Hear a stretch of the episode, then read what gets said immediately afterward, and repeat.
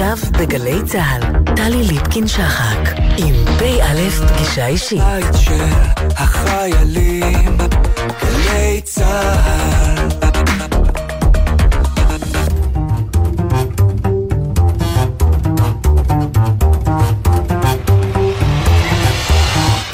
שלום לכם, ערב טוב. פגישה אישית הערב, ערב ערב יום הכיפורים, גם 49 שנים למלחמת יום הכיפורים. שלום לך קשנר, קצין שריון ראשי, תת-אלוף הישאם איברהים. ערב טוב. ערב טוב, טלי. שנה טובה וגמר חתימה טובה לך ולכל המאזינים. נדבר איתך, קצין שריון ראשי, לפני יום הכיפורים, איש שריון מגיוסך, מה זה אומר? זה אומר הרבה גאווה והרבה כבוד.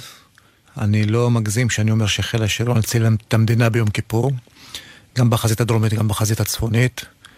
לצערי גם שילמנו מחיר כבד במלחמה הזאת, חיל השריון שילם באלפי חללים, אבל uh, הוא הכריע את המלחמה, הוא ידע לבלום ולהגן, ובסוף שנדרש הוא יצא להתקפה, הכריע את האויב בשתי החזיתות, ולהערכתי אנחנו נמצאים היום, אני מדבר איתך בשפה הזאת, בזכות אותם אנשים שנלחמו ביום כיפור.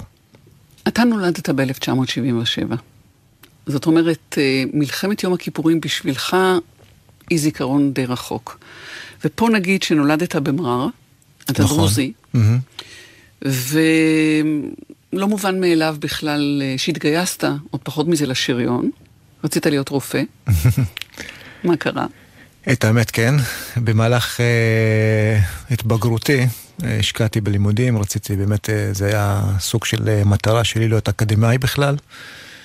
אה, שלי היה להיות רופא, התחלתי לימודים אקדמיים שסיימתי את בית ספר בשנת 95 באוניברסיטה העברית בירושלים. במהלך השנה, מטבע הדברים, מהמקום שאני בא ממנו, היו קשיים אה, כספיים, אפשר להגיד. החלטתי להפסיק אה, את הלימודים שלי ולהתגייס לצבא. התכנון שלי היה לעשות שלוש שנים צבא ולחזור, גם לשפר חלק מההישגים הלימודיים שלי ולהתקבל ללימודי הרפואה. הגעתי, הפרופיל שלי שם אותי במקום שאני יכול לעשות שירות קרבי משמעותי. שלחו אותי לחיל השריון, הגעתי לחיל. אני מודה, בהתחלה לא הכרתי מה זה החיל הזה ולא הבנתי לאן אני מגיע, אבל uh, לא לקח הרבה זמן עד שהתאהבתי בכלי. התגייסתי ל-77, והחיבור של יום כיפור היה באופן מיידי, גדוד 77 של אביגדור קלני ביום כיפור. כשהגעתי לשם בשנת 97 היה חיבור אוטומטי ליום כיפור, עם כל הקרבות וההצלחות והניצחונות שהגדוד הביא. ועם הזמן התחלתי להתפתח, להתקדם. מהרגע הראשון ידעתי שאני רוצה להיות קצין, אבל לא חלמתי ולא חשבתי, אה, בטח לא שמתי לעצמי יעד בתקופה ההיא להיות קצין שריון ראשי. ועם הזמן, אה, כל פעם החלטתי מחדש שהתרומה שלי היא נדרשת, שאני ממצה את עצמי, שאני חושב שאני עושה שירות משמעותי, וזה מה שאני רוצה, והמשכתי. והנה אני פה היום. בין התפקידים המרובים אה, שמילאת מאז התגייסת, אפשר למנות את קצין אגף המבצעים של חטיבת הבקעה, היית קצין המבצעים של חטיבה 7, מפקד גדוד געש, זה גדוד 82, mm-hmm. הנודע, מפקד גדוד האימון המתקדם אה, בחטיבת ההדרכה, מפקד חטיבת אגרוף הברזל, שזה חטיבה 205, סגן מפקד עוצבת הגליל, ומפקד אה, חטיבת ההדרכה, חטיבה 460 אה, בשריון. שריון טבוע בך חזק, ואני תוהה ואשאל שאלה שהיא כמעט נגיד, לא פוליטיקלי קורקט, אבל היא נדרשת. אתה יותר שריונר, יותר דרוזי, יותר ישראלי. מה אתה? אני ישראלי, דרוזי, חלק מהחברה הישראלית, ובוודאי אני שריונר. עד כמה הדרוזי שבך ינצח? זאת אומרת, כמה, כמה הוא משמעותי, כמה נכון לי להתעכב איתך על העניין הזה? אחד, אה, זכותך לתעכב, וזה בסדר גמור לאתגר אותי בשאלות, וזה חשוב. אה, פעם, לא פעם נדרשתי באמת אה, בסוגיה הזאת. אני יכול להגיד שהחינוך מהבית, עצם העובדה שאני בחור דרוזי שמגיע לצבא, עם הבסיס הערכי שגדלתי עליו מהבית, עם העקרונות והיסודות, בעיקר של הדת, ובעיקר לאן שאני שייך, לקבוצה קטנה, מאוד מלוכדת, מאוד מגובשת, מאוד נאמנה. אה, שצריכה פעם אחר פעם להוכיח את עצמה מחדש, בהקשרי נאמנות, בהקשרי השתלבות בתוך החברה. זה תמיד נתן לי דרייב, והוביל אותי למקומות שמתחתי את היכולות שלי ואת הגבולות שלי עוד ועוד. אני חושב שלא בכדי שלאורך הדרך אני נחשב אחד מהאנשים שפרצו דרך בחיל השריון, אם כמפקד חטיבה סדירה ראשון, קצין שריון ראשי ראשון, בין העדה. אני חושב שדווקא בהקשר הזה שאני דרוזי, זו זכות מאוד גדולה. כמו שאמרתי, הבסיס הוא מאוד מאוד איתן. אני מייצג משהו שהוא הרבה יותר גדול ממני. זה לא רק האני, אני רואה בעצמי קשר וגשר שמחבר בין תרבויות, ואני חושב שעצם העובדה שאני נמצא לאורך כל השירות שלי עם החברה שרובה בנוי ומורכב מיהודים, מגוון על מגוונים, דתיים וחילוניים, בני העיר ובני הכפר או בני היישוב, כל הזמן ראיתי בעצמי סוג של שגריר של העדה שאני צריך לגשר בין התרבויות. אחד, למדתי, לקחתי את הדברים החיוביים שאני חושב שנכון לשלב אותם בתוך העולם הערכי והאני מאמין שלי, ובאותו זמן ראיתי בעצמי את הגשר ואת השגריר להביא את התרבות הזאת לעם היהודי, שבלא מעט מקרים אגב זיהיתי ופגשתי פער גדול בין מה שאתה חושב שהעדה מוכרת ומשתלבת בתוך החברה לבין החברים שלי שפגשתי אותם, שהידע שלהם היה מינימלי על מה זה העדה, ומבחינתי זה היה באמת סוג של זכות גדולה. ב-2020, יום העצמאות ה-72 למדינה, אה, העלית משואה. תזכורת. אני, הישאם בן וג'ה, זכרו לברכה, ווידד, שתבדל לחיים ארוכים. משיא משואה זו, לכבוד צבא ההגנה לישראל. המבטא את כל הטוב שבחברה הישראלית, ושערכיו נלמדים בכל צבאות העולם. לכבוד העדה הדרוזית המופלאה בארץ ישראל, אשר חרתה על דקלה דו-קיום ושותפות חיים עם בני ישראל, באמצעות שוויון בנטל ובזכויות, ושהישגיה אדירים מעוררי כבוד, ולתפארת מדינת ישראל. אתה נראה לי נרגש, או שוב נרגש. מאוד נרגש. אתה שומע את זה. וגם עכשיו, צמרמורת עברה בי ששמעתי את זה. אני חייב להגיד, לא שמעתי את זה מאז הרבה פעמים.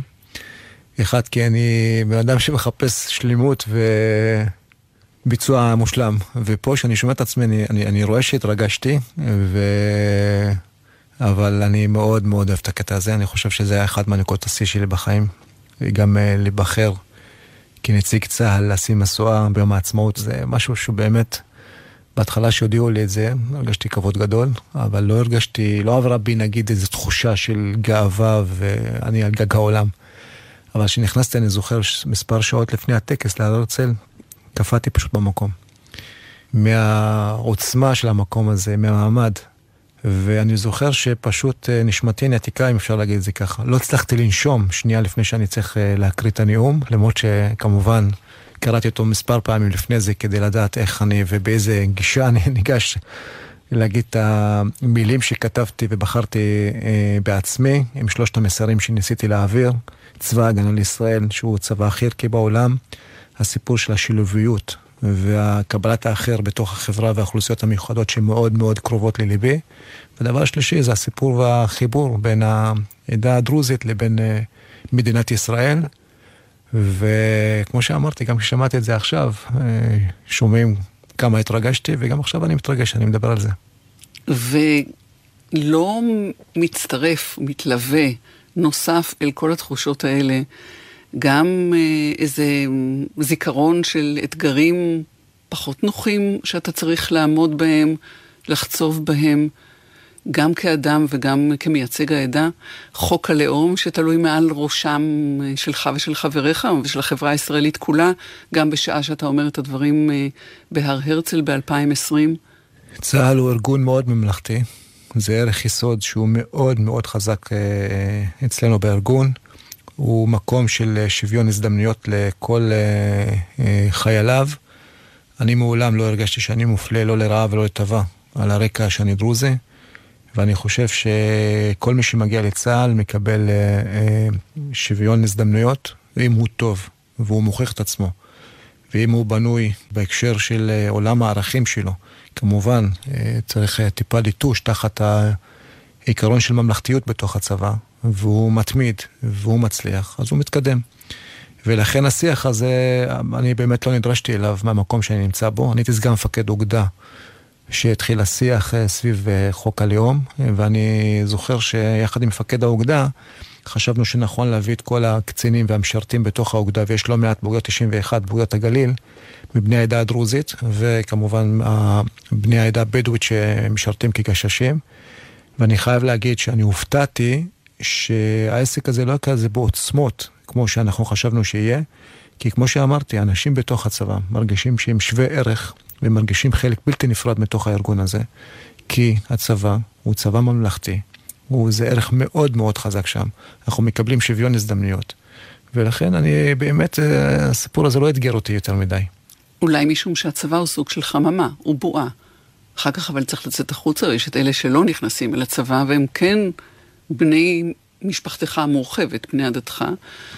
איזה יחס או איזה אינטראקציה יש לך עם, עם האחרים סביב המדים והשירות והמסר שאני רואה עליך, אין פה טיפת זיוף, אתה מתכוון לכל מילה, באמת, זה, זה מרשים מאוד. אבל אתה פוגש את אלה שחושבים אחרת. תראי, זה המסר שאני מעביר בכל מקום.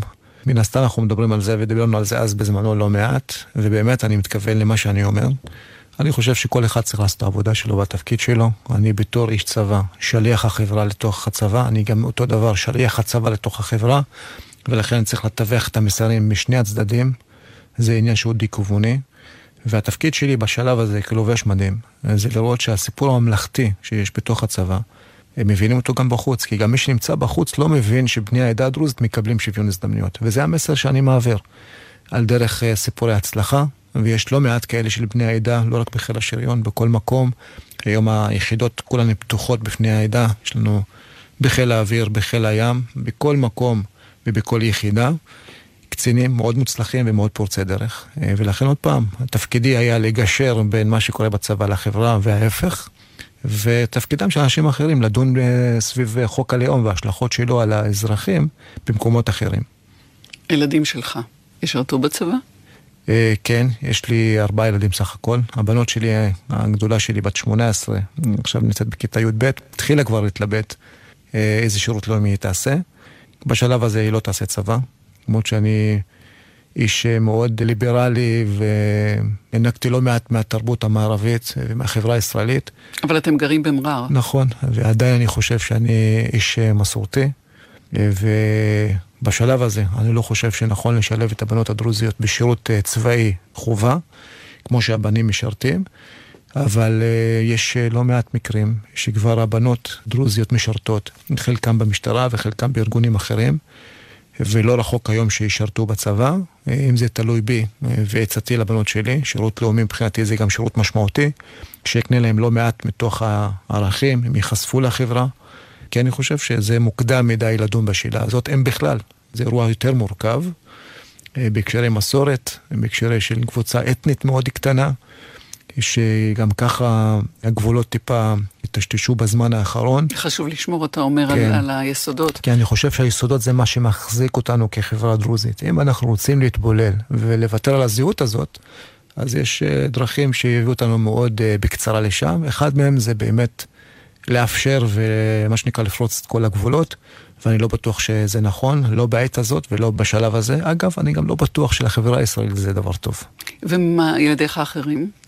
אה, יש לי עוד שתי בנות, כמובן תאומות, בני 13, שכמו שאמרתי, השלוש בנות שלי עשו שירות לאומי משמעותי. ויש לי בן שבע, הוא אה, ילד עם צרכים מיוחדים. אם ירצה להתגייס, יש היום פרויקטים מדהימים בצבא, גדולים במדים, אה, דברים כאלה. הוא ילד עם תסמונת דאון. וכשיגדל ויהיה בגיל 21 שהוא יסיים את הבית ספר, אני יותר מאשמח ללוות אותו לאחד מהפרויקטים האלה של הצבא, כדי שירגיש חלק בלתי נפרד, יתרום את החלק שלו. אני מניח שהוא רואה אותי כל פעם שאני נכנס עם מדים, הוא מתחיל להבין אה, שאבא כשהוא נהדר הוא בעבודה, והמדים זה חלק מההוויה ביום-יום שלו, ולהערכתי, כשהוא יגיע היום, הוא גם ישתלב בצבא בפרויקט הזה או אחר.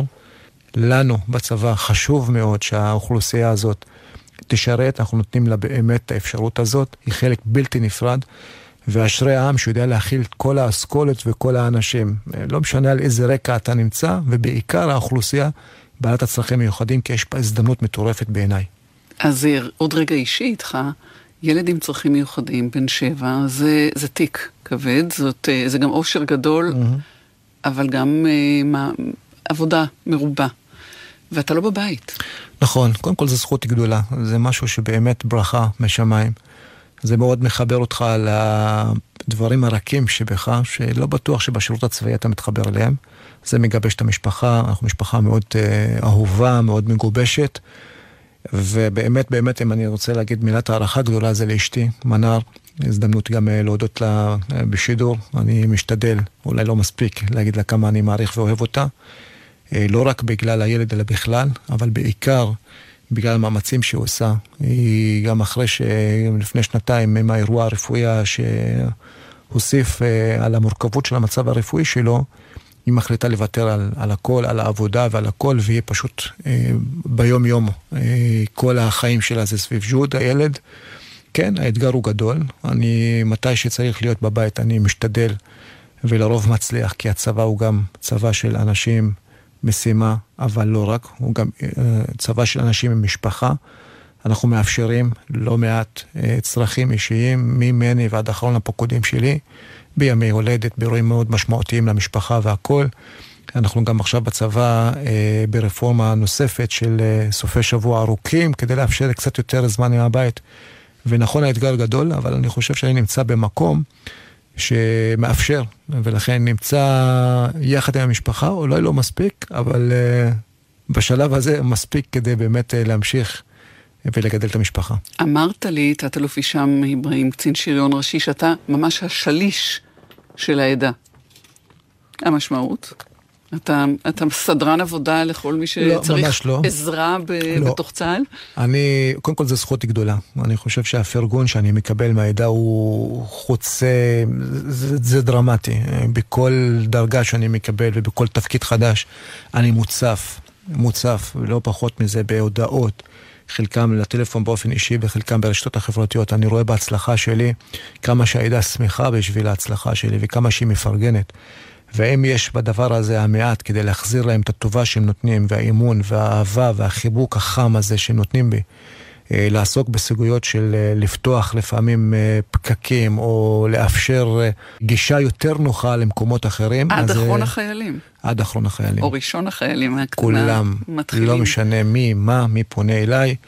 אני חושב שאני עושה הכל כדי לפתור את הבעיה. לשמחתי לפעמים אני מצליח, לפעמים האירועים הוא יותר מורכבים ולא מצליח, אבל כל מי שפונה אליי, הוא מקבל מענה. מה אחוזי הגיוס אצלכם? אנחנו סביב ה-76 אחוז גיוס מבני הנוער. מ... יותר גבוה נכון. מהגיוס בקרב היהודים. נכון, אנחנו, אגב זה לא חדש, זה תמיד היה ככה. מתוכם סדר גודל של 60 אחוז, קרוב מאוד ל-60 אחוז, עם שירות משמעותי מאוד, בתפקידי לוחמה ותפקידים מאוד מובילים באגף התקשוב ואגף המודיעין. ואני חושב שהאתגר היה אחרי סגירת גדוד 299, לראות שאחוזי היציאה... צריך להסביר מהו גדוד 299. גדוד 299 זה היה גדוד של... Mm-hmm. גדוד הלוחם, אה, שייך לחיל הרגלים, חטיבה 300, שהיה בנוי מבני המיעוטים, אה, הדרוזים בעיקר. ובהחלטה אסטרטגית הוחלט על סגירתו, זה לא המקום להגיד אם אני בעד או נגד או באמת מה הפרשנות להקשר הזה, אבל בבסיסו עמד ה, אה, לתת אפשרות שווה אה, לכל בני העדה לטמע בתוך יחידות אחרות, כי מתוך היחידות עלה הצורך. והייתה תחרות על הנוער הדרוזי להגיע למקומות כמו קורס טיס, קורס חובלים, שייטת, אמ"ן 8200, חיל התקשוב, וכמובן שריון, חי"ר וכל הדברים האלה. ולכן עלה הצורך רגע לאפשר ליותר בני הנוער להגיע ולהתמיין ליחידות האלה. היה חשש מירידה באחוז אה, הנוער שיוצא לקורס קצינים, אבל אני יכול להגיד, אחרי בדיקה, שזה לא משנה כרגע מה הכמות, אם הכמות אה, שהוצאנו אז בזמנו אה, יותר גבוהה או פחות גבוהה, אני יכול להגיד שמישהו יוצא היום לקורס קצינים מיחידות אחרות, הוא יוצא באיכות יותר טובה, הוא מסיים את הקורס, הוא נטמע וממשיך להתפתח. יש לנו היום מפקד יחידה מאוד מסווקת ומאוד uh, קרבית, יש לנו היום בחיל השריון, שני אלופים, שני, שני סא"לים, יש לנו מ"פים ורבי סרנים ביחידות כמו גבעתי, כמו גולני, כמו הצנחנים, כמובן טייסים, כמובן ביחידות מודיעין עילית כמו סיירת מטכ"ל, אנחנו נמצאים בכל מקום היום, וזה עושה חברה טובה יותר. נעשה, ברשותך, תת-אלוף הישאם אברהים, קצין שריון ראשי, אתנחתא מוסיקלית. עכשיו, נגיד את האמת, מראש אה, מנינו או ציינת ארבעה שירים אה, לבחור מתוכם. אתה אולי היית מעלה עכשיו שיר ראשון את "הוא פשוט שריונר", אבל דווקא לאור הדברים שדיברת על המשפחה, מה אתה אומר על "לא יפריד דבר"? שיר מעולה, אני מקדיש את זה לאשתי, שיר אהבה. נשמע ונחזור.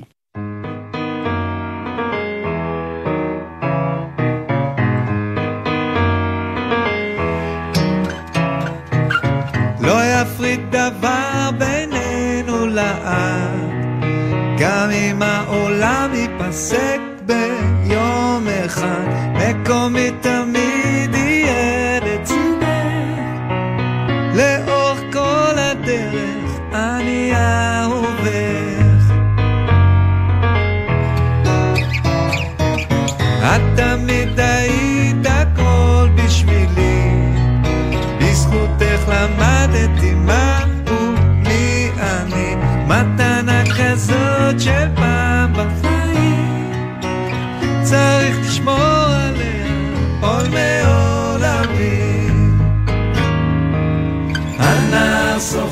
סוחף אותנו ייסע, אין לדעת לאן את אורכו של המסע, וכשנגיע אומר בוודאי, זו הנסיעה של חיי. גשר מזהב סלול לליבך, מחבר את שנינו בכל אשר נלך, ברוחות הקור סופות. אני צמוד אלייך, עול מעולמי.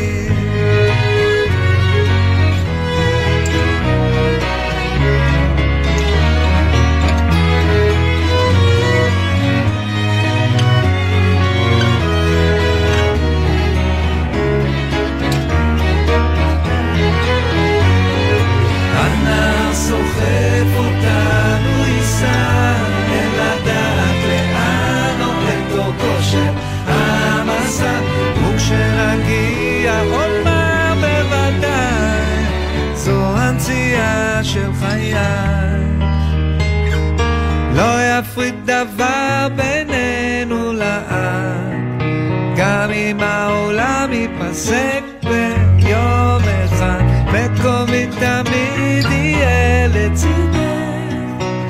לאורך כל הדרך אני אהובך.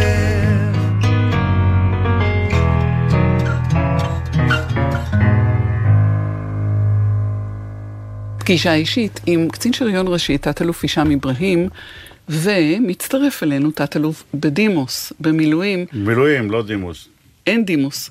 לא, אני במילואים. לנצח במילואים, תת-אלוף יום טוב תמיר, גם הוא שריונר, שנולד לפני 78 שנים בנתניה, הלך לפנימייה הצבאית בחיפה בגיל אה, 15, ב-1959 וב-1962 התגייס לחיל השריון. ממקימי גדוד המג"ח הראשון, זה הפטונים שהשתלמו בגרמניה. בששת הימים אה, היה אה, מ"פ בגדוד הזה, בהתשה שירת בתעלה בתפקיד קצין אג"ם חטיבתי. היה סמג"ד טנקים בסיני, ובמלחמת אה, יום הכיפורים פיקד על הגדוד, גדוד תשע שנלחם בגזרה הצפונית של התעלה, ספג אבדות כבדות מאוד עד שהתפרק יום טוב תמיר, שב אל קו האש עם מסגרות אחרות שהקים והוביל באומץ לב ובתושייה שזיכו אותו בעיטור המופת.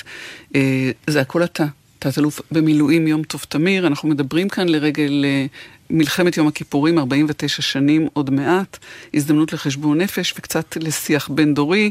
נזכיר שאחרי המלחמה עלית צפונה, התמנית קצין אג"ם אוגדה 36, אה, היית בארצות הברית. אני מדלגת אה, לתפקיד אה, התת-אלוף שלך, אה, פיקוד על אוגדת מילואים, שאותה הובלת במלחמת לבנון הראשונה, פיקדת על קורס מח"טים ועל אוגדת השריון 252. היית במטה הכללי סגן ראש אגף התכנון, ותפקיד אחרון שלך נספח צה"ל אה, בבריטניה, אבל על זה לא נדבר למרות הקרבה לאירועי ההלוויה למלכה. אז אנחנו פה עם שריונר, פוגש שריונר, תת-אלוף מילואים יום טוב תמיר, תת-אלוף קצין שריון ראשי הישאם אברהים. יש לכם מפגשים קודמים, נכון? כן. אני, בחלק מהמילואים שלי עשיתי מרכזי הערכה. יש בצבא מרכזי הערכה שצריכים לעלות בדרגה מסגן אלוף לאלוף משנה, צריך לעבור מרכז הערכה.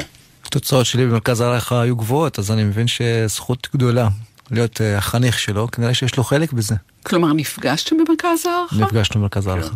יום טוב תמיר אני מכיר לפני זה, בעצם היותו טנקיסט אה, ותיק, בעל תיאור המופת, ועל הקרבות מופת שהוא עשה ביום כיפור וגם אחר כך, ואנחנו גדלנו על המורשת הזאת, גדלנו על האנשים האלה, אז שמעתי אותו לא פעם במורשות קרב.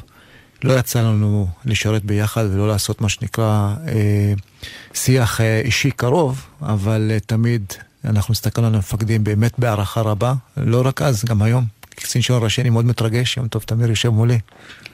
כמה חשוב אה, יום טוב תמיר, שהדור הזה שנולד אחרי מלחמת יום הכיפורים, בשבילה מלחמת יום הכיפורים זה מה שהיה בשבילכם פחות או יותר מלחמת העולם הראשונה, יכיר, ידע, כמה אתה חש שהם אוחזים במורשת הזאת לצורך למידה, לא רק לצורך אה, הנצחת אה, הנופלים. זה משונה, כי זה 50 שנה. 50 כמעט, שנה, 49. 49. 49 זה המון זמן. זה שני דורות. אני חשבתי על זה הרבה. למה עדיין זה מעסיק, לא מדבר עלינו שאנחנו היינו שם, אבל זה מעסיק את החברה הישראלית, בכל מיני סיבות, גם שבר שקרה בחברה, אבל גם בצבא, כי כנראה קודם כל, את המלחמה הייתה טוטאלית. בשתי חזיתות, ואולי המלחמה האחרונה מהסוג הזה. ואז זה גם מעלה שאלה כמה זה רלוונטי להיום, שמלחמות אולי יהיו בדפוס אחר. זאת שאלה גדולה. האם מלחמות פה, עוד לא דיברתי עם קשנר על סגירת אה, חטיבות, על הוצאה של טנקים מהמחזור. כן, כן, כן, כל מיני דברים. קודם כל צריך להכיר שהעולם שונה, החברה שונה, גם האויב שונה וגם הסביבה שונה. וצריך להתאים, צבאות מרובם הם דברים שמרניים. יש נטייה לשמר את, ה, את מה שהיה, ולפעמים להילחם מלחמה עתידית אה, במחשבות של המלחמה הקודמת. וזה בשום פנים ואופן אסור לעשות. ולכן צריך להוציא מהמלחמה ההיא שלפני 49 שנה, מה רלוונטי ומה כדאי ללמוד משם, אה, אם יקרה משהו.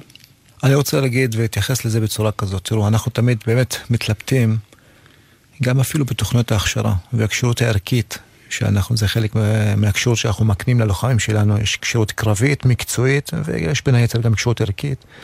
אם נכון לדבר על המלחמה ההיא, ואני רוצה לתת דוגמה. לפני שבועיים סיימנו פרויקט שנקרא בעקבות לוחמים ברמת הגולן. עשרות אלפי בני נוער פקדו את הפרויקט והמיזם הלאומי הזה במהלך אה, שבועיים. שם הצגנו להם חלק מהקרבות, קרבות הגבורה שהיו ביום כיפור, אם זה בעמק הבכה, ואם זה המערב של אה, זמיר, מערב טייגר, בציר היישובים ברמת הגולן, ועם הקרב סביב המפקדה הסורית ותל סאקי. ואני חושב שהחוכמה היא לקחת את הדברים הרלוונטיים, ובעיקר ציפורי הגבורה. בעיקר ציפורי הגבורה, כי מה שמסופר זה לא רק מה שנקרא הסיפור האמל"ח והמלחמה הטוטאלית, דברים כאלה, אלא מה שנקרא תושייה, יוזמה, גבורה של אנשים שעשו את ההבדל במלחמה. ואני חייב להגיד, אני די מסכים, אפילו מסכים מאוד עם, עם תמיר, אבל אני חייב להגיד שהמחנה המשותף, או תופעת המלחמה לא השתנתה, למרות כל השינויים. הכת הקרב, הסיפור של, של היוזמה בשדה הקרב, הסיפור של הלחימה, גם אז וגם היום, אני חושב שתופעת הלחימה לא השתנתה, ולכן נכון לדעת לקחת ולסנן את הדברים שהיו נכונים אז ונכונים להיום, למרות כל השינויים והתמורות שאתה מדבר עליהם. מה שצריך לקחת זה אותן נקודות שאתה אומר, בוא ננתח את המלחמה, מה קרה בה, והאם יש בה, או במאפיינים שקרו שם, למשל, זה שנופלת פתאום מלחמה כשהתודעה היא שאין מלחמה.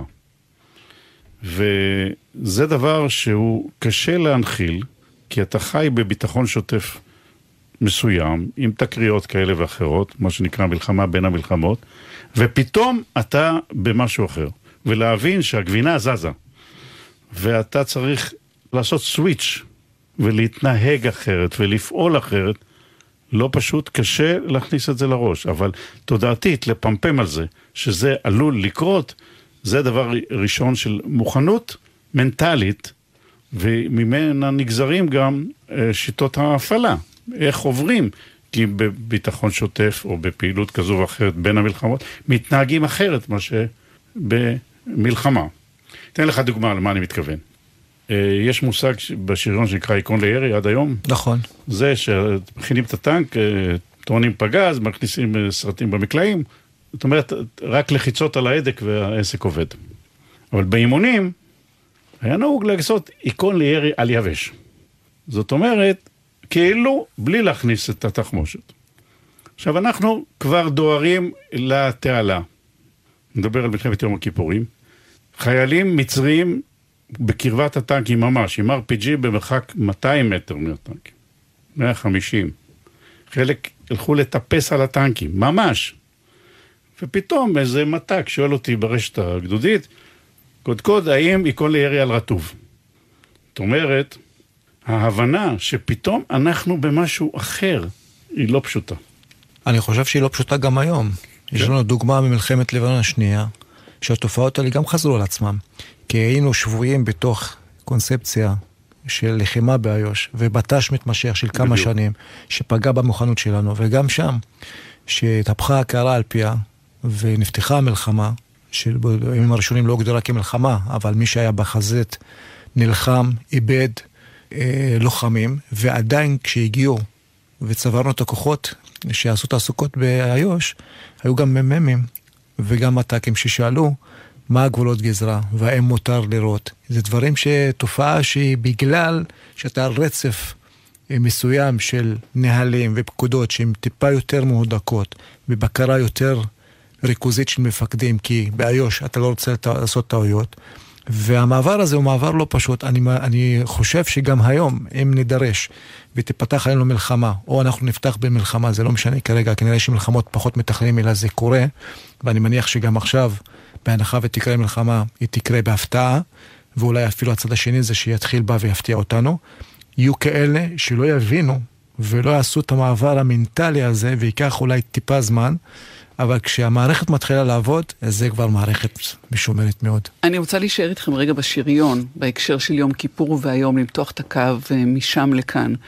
אתה מדבר, אה, תת-אלוף במילואים יום טוב תמיר, על uh, היכולת להתחדש והבנה שמה שהיה הוא לא מה שיהיה. Mm. אתה מדבר, תת-אלוף הישאם אברהים, על הדור הזה של, של סוג המלחמה היום, ומלחמה היא מלחמה היא מלחמה. אבל אני רוצה לאתגר את הנכונות שלך לשאת שינויים יום טוב, כי אה, מקומו של השריון היום הוא אחר. והזכרנו, סוגרים אה, חטיבות. אמנם נכון, אה, עובדים על טנק אה, חדשני יותר, שיענה על הצרכים החדשים. כי כולם מבינים שיש, אבל אתה לא מתמרמר יום טוב את האמת על זה לא. שהטנק איבד את מקומו? בתור הוועד העובדים? לא, אבל אני, אני חושב, קודם כל, הצבא עבר בחוכמה רבה ללחימה בצוותי קרב משולבים. מה שהיה חסר ביום הכיפורים, מאז עברנו כברת דרך עצומה. בעצם זה גם שמשרתים ביחד ובאותן היחידות, למשל, החל בזה שנגיד יש חטיבת טנקים באוגדה, או חטיבת חי"ר באוגדה, זה נראה בזמנו חילול הקודש. לא לדבר על זה שיש אה, קצינים מתחלפים ועוברים, אה, יש אה, סמכת טנקים בחטיבת חי"ר, או אפילו בחטיבת צנחנים. וזה דבר חדשני מאוד. וזה מכניס לשגרת העבודה האחרת. ואז, כשהפעילות היא בצוותי קרב משולבים, הטנק צריך למצוא את מקומו בתוך הצוות הקרב הזה. הטנק מוצא את מקומו אני כשנה? חושב, קודם כל אני לא מסכים עם הפתיח שלך. הטנק לא איבד אה, מהערך שלו, להפך, המרכזיות של הטנק היום בקרב היבשתי עלתה, פלאים. היום אי אפשר לקיים תמרון יבשתי, ואי אפשר לדבר על עליונות יבשתית שהטנק לא במרכז השיח. אבל כמה מדברים על תמרון יבשתי? קודם כל זה כלי מאוד מושחז וזה כלי חשוב שישמר על הכשירות שלו, וכשנידרש, התמרון היבשתי יביא את ההישג מהר. ואני אומר לך שבסוף, כשנסיים את התמרון, אף אחד לא ישאל את עצמו אם היה פה תמרון או לא היה פה תמרון. זה, יראו את זה בשטח. אני רוצה שנייה אחת לפתח את הסיפור של הטנק. הטנק זה כבר לא כלי שמביא את עצמו ובקצה יורה פגז. הפלטפורמה היום, שבנויה מארבעה אנשי צוות, שהם סופר מתקדמים, מקצועיים, אנחנו מכשירים אותם לעניין הזה, הוא כבר הפך להיות פלטפורמה שמקשרת יכולות יבשתיות ואוויריות. הטנק הזה היום הוא לא רק יורה פגזים, אלא הוא מקשר בהקשר של תקשורת, לוויינות, יכולות הפעלת אש, אה, אה, קישוריות בין כוחות. היום את נכנסת לטנק, זה כמו המסכים שאני רואה פה בתוך האולפן. הכל היום מרושת, תכף נדבר אולי על הטנק החדש, מה שאנחנו יכולים לגלות, אבל את נכנסת, יש היום לכל איש צוות מחשב, שהוא רואה את כל הכוחות שלו, הוא רואה את כל הפעולות שלו, הכל מתוקשב, הכל מקושר, אנחנו רואים את כל הכוחות, גם החי"ר, גם הארטילריה. היום בלחיצת כפתור את יודעת להביא אש ארטילרית לאיכון שהטנק זהה ולאויב שהוא זהה. ולכן הטנק היום, המרכזיות שלו עלתה פלאים ב-50 שנה לפני.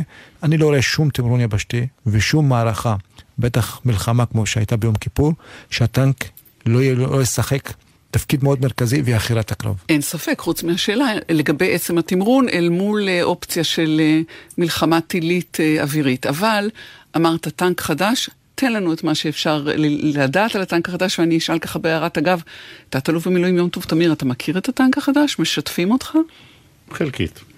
אז ספר לנו את קשנר. אנחנו מדברים על טנק הברק, הוא טנק שהוא פאר הטכנולוגיה הישראלית, אפשר להגיד גם העולמית.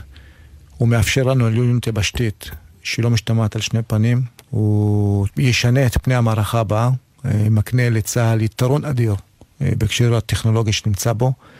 מאפשר שרידות גבוהה יותר לאנשי הצוות שנמצאים בתוכו, כי אנחנו נלחמים עם מדפים סגורים. אתה רואה את סביבת המלחמה מתוך הכלי, כאילו אתה נמצא עם ראש בחוץ ומסתכל עם העיניים שלך, מרושת במצלמות מרחביות, מרושת בסנסורים, שמאפשרים מודיעין זמן אמת, גם מודיעין שאתה רואה בעין וגם מודיעין שנמצא ומאבדים אותו ממרחקים גדולים. יש לו מחשב קדמי, שיש לו יכולת עיבוד. המחשב הזה יודע לקחת המון המון המון נתונים בזמן אמת ולייצר אותם עד כדי תמונת אויב זמן אמת. יש לו יכולת סגרת מעגלים מאוד מהירה ומאוד מדויקת. ברגע שהבנת והחלטת שזה אויב, היכולת סגרת מעגלים שלך היא באמת מספר שניות. עונה על האתגר של חתימה נמוכה שהאויב מאפשר לנו או מייצר לנו, ועל זמן חיות אה, המטרה שהאויב אה, מאתגר אותנו בה. אה, כמו שאמרתי, גם יכולת להביא יכולות מהמרחב, יכולת לוויינית, יכולת תקשורת, יכולת אש.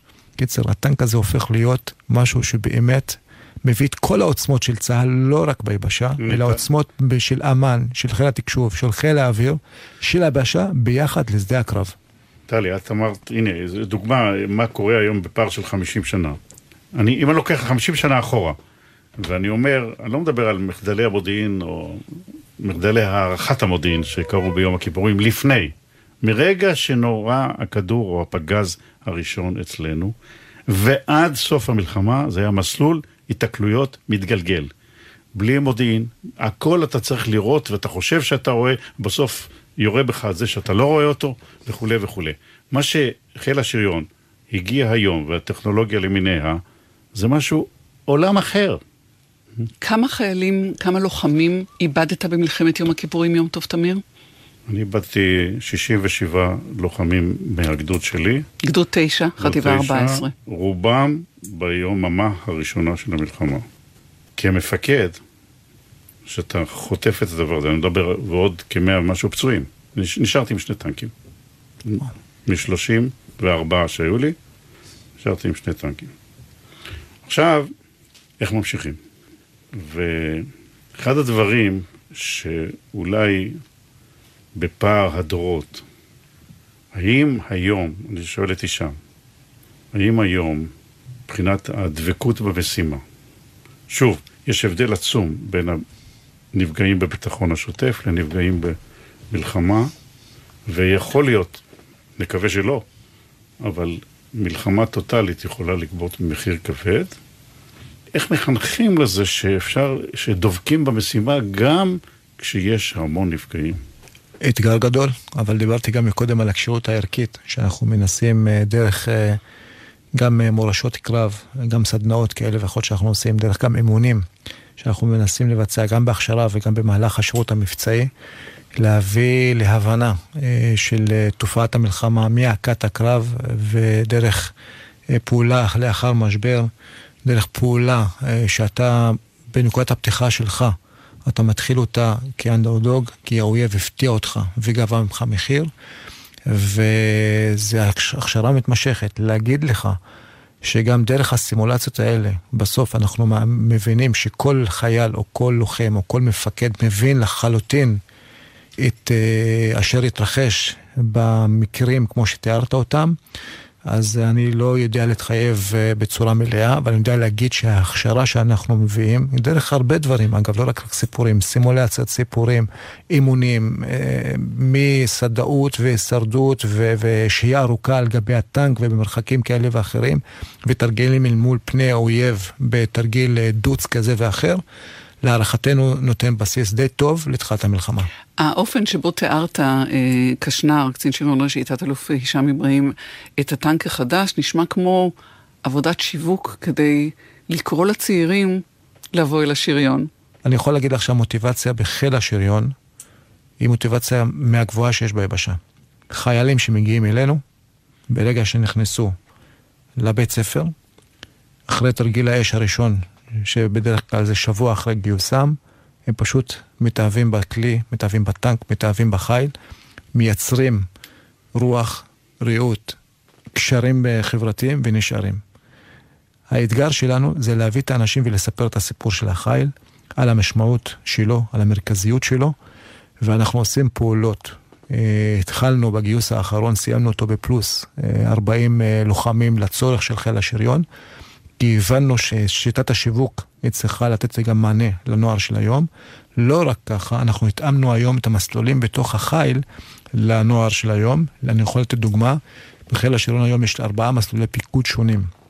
יש לנו תוכניות לעשות מיון לעשרות מלש"בים לפני שהם מגיעים לחיל השריון, לבחור עשרות בודדות, סדר גודל של 40 מתוך אותם בני נוער, ולגייס אותם לקורס ייעודי לקצונה. זאת אומרת שהם מגיעים, ומהיום הראשון הם עושים מסלול מיוחד, ייחודי, עם רובעות יותר גבוהה, עם מקצועיות יותר גבוהה, ובקצה, אחרי שנה ושמונה חודשים, יוצאים להיות קצינים. זה מסומנים מלכתחילה.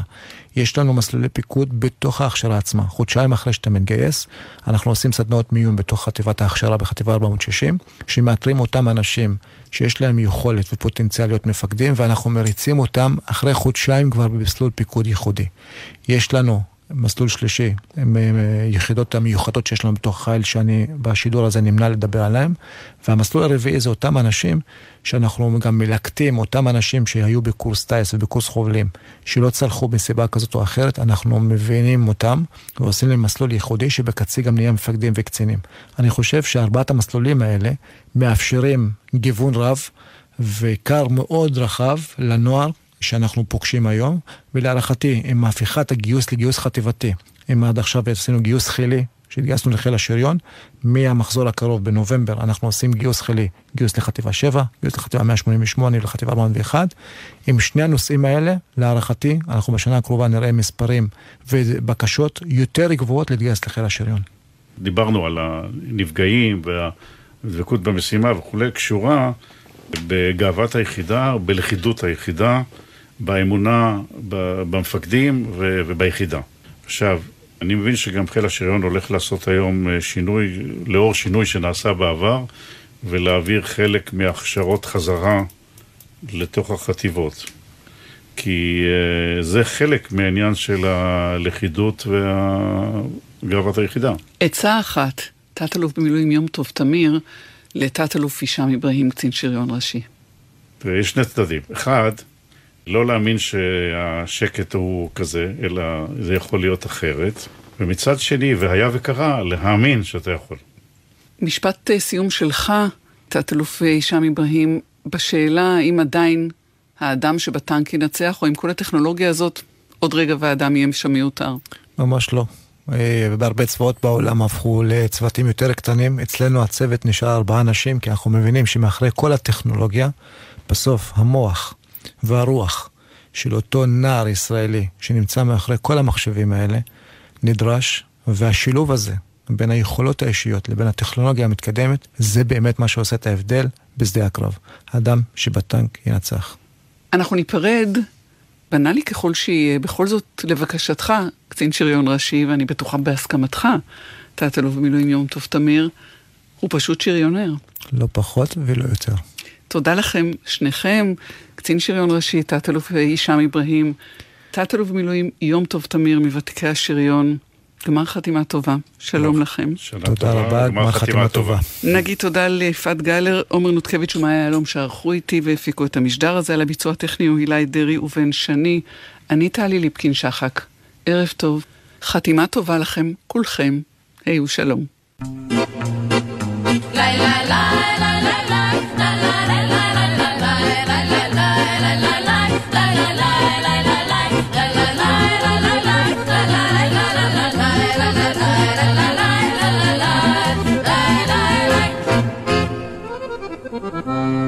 לא בגלל עיני התכלת התאהבתי דווקא בו, גם אינני מתפעלת מגובהו ומרוחבו, לא בגלל צחוקו הפרא הכובש כל לב נשי, הסיבה ודאי אחרת, גם אם זה נשמע טיפשי.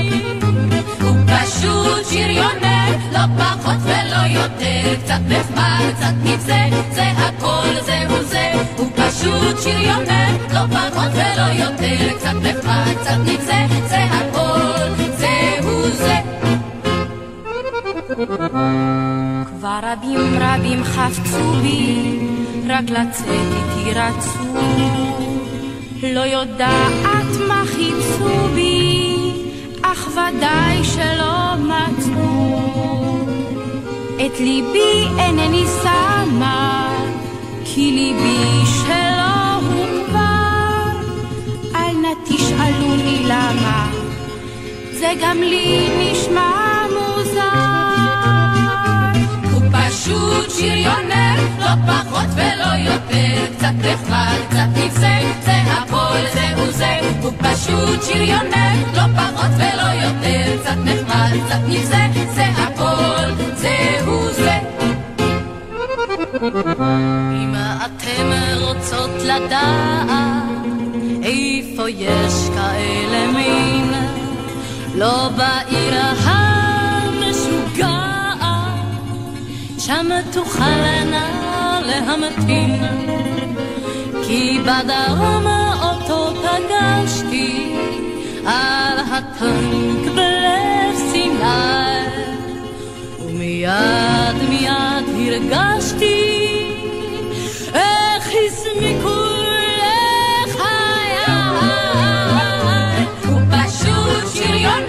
לא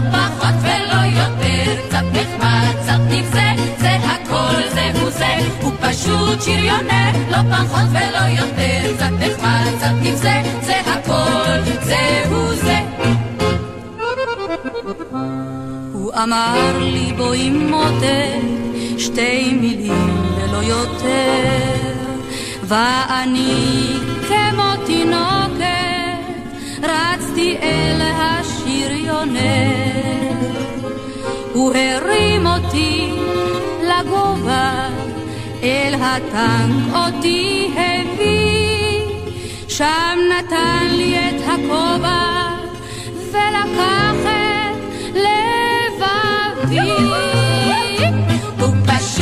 שריונר, לא פחות ולא יותר, קצת נחמד, קצת נבזה, זה הכל זהו זה. הוא פשוט שריונר, לא פחות ולא יותר, קצת נחמד, קצת נבזה, זה הכל זהו זה. איך אני מתגעגעת שוב לרדת לסיני, את ידו המיוזעת ידיי, ללטף את ראש הילד, לנער את העבר, מול עיניו עיני התכלת, לזמר בקול חזק. הוא פשוט שריונר, לא פחות ולא יותר, קצת נחמד, קצת נבזה, שריונר, לא פחות ולא יותר, קצת נחמד, קצת נבזה, זה הכל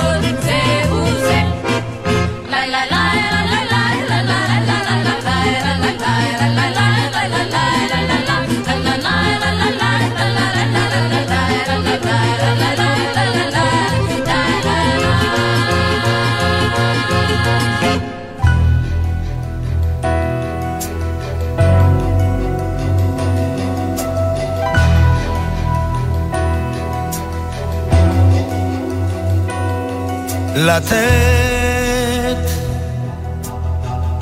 את הנשמה ואת הלב לתת.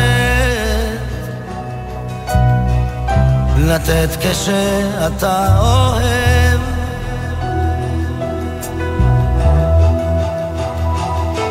ואיך מוצאים את ההבדל שבין לקחת ולקבל או תלמד לתת, לתת. לגלות סודות בסתר, להתיר את סבך הקשר. כשהלב בך נצבט מכל חיוך, מכל מבט. אתה נזהר, אתה יודע וחוץ ממך איש לא שומע. פוסע בין הדקויות. וממלא שעות פנויות. לתת את הנשמה ואת הלב לתת כשאתה אוהב. או תלמד לתת לתת. אתה לומד עם השנים לבנות ביחד בניינים. לחיות עם כל השינויים לרקום איתה סיפור חיים ולעבור ימים קשים במצוקות בריגושים. תמיד לדעת לוותר ואת הטעם לשמר לתת הנשמה ואת הלב לתת כשאתה אוהב. עוד תלמד לתת לתת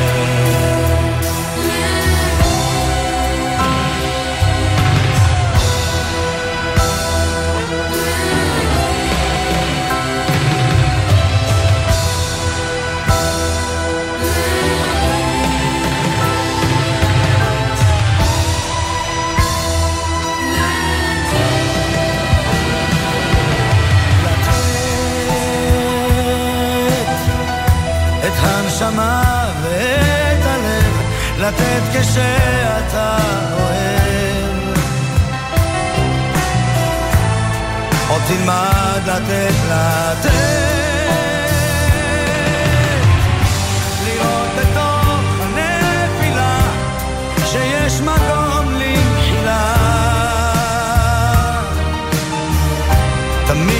אפשר שוב להתחיל יום חדש, כמו כרגיל,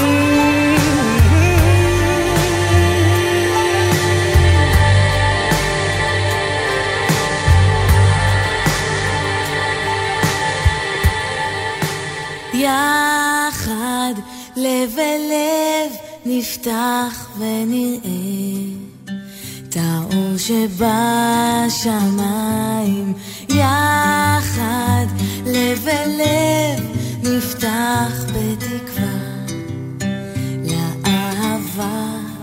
איך שהלב נפתח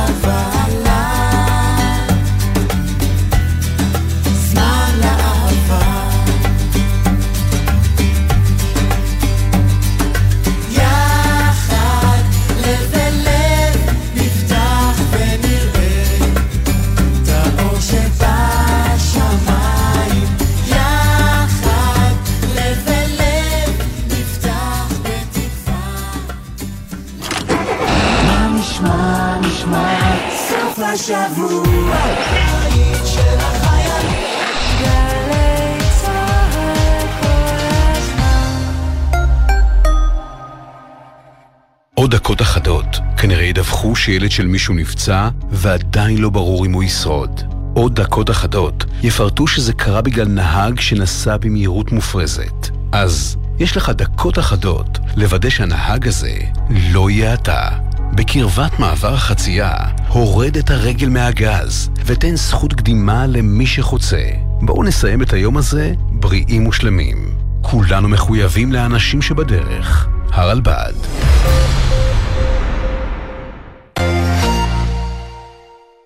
בכל ההיסטוריה של האומנות אין מישהו כמו פול מקארטני. והשנה הוא חוגג 80. עמית קלדרון מביא את הסיפור של אחד היוצרים ששינו את עולם המוזיקה. מקארטני מלחין וכותב שיר והוא יודע מיד איך זה יישמע בסוף. בסדרת תוכניות עם פינות, רעיונות והלעיתים הבלתי נשכחים. פול מקארטני מת. כשעשיתי את זה לא חשבתי שזה יהיה דבר שישרוד יותר מאשר תוכנית חד פעמית. חפשו 80 לפול מקארטני, באתר וביישומון גלי צה"ל, ובכל מקום שאתם מאזינים להסכתים שלכם. אתם מאזינים לגלי צה"ל.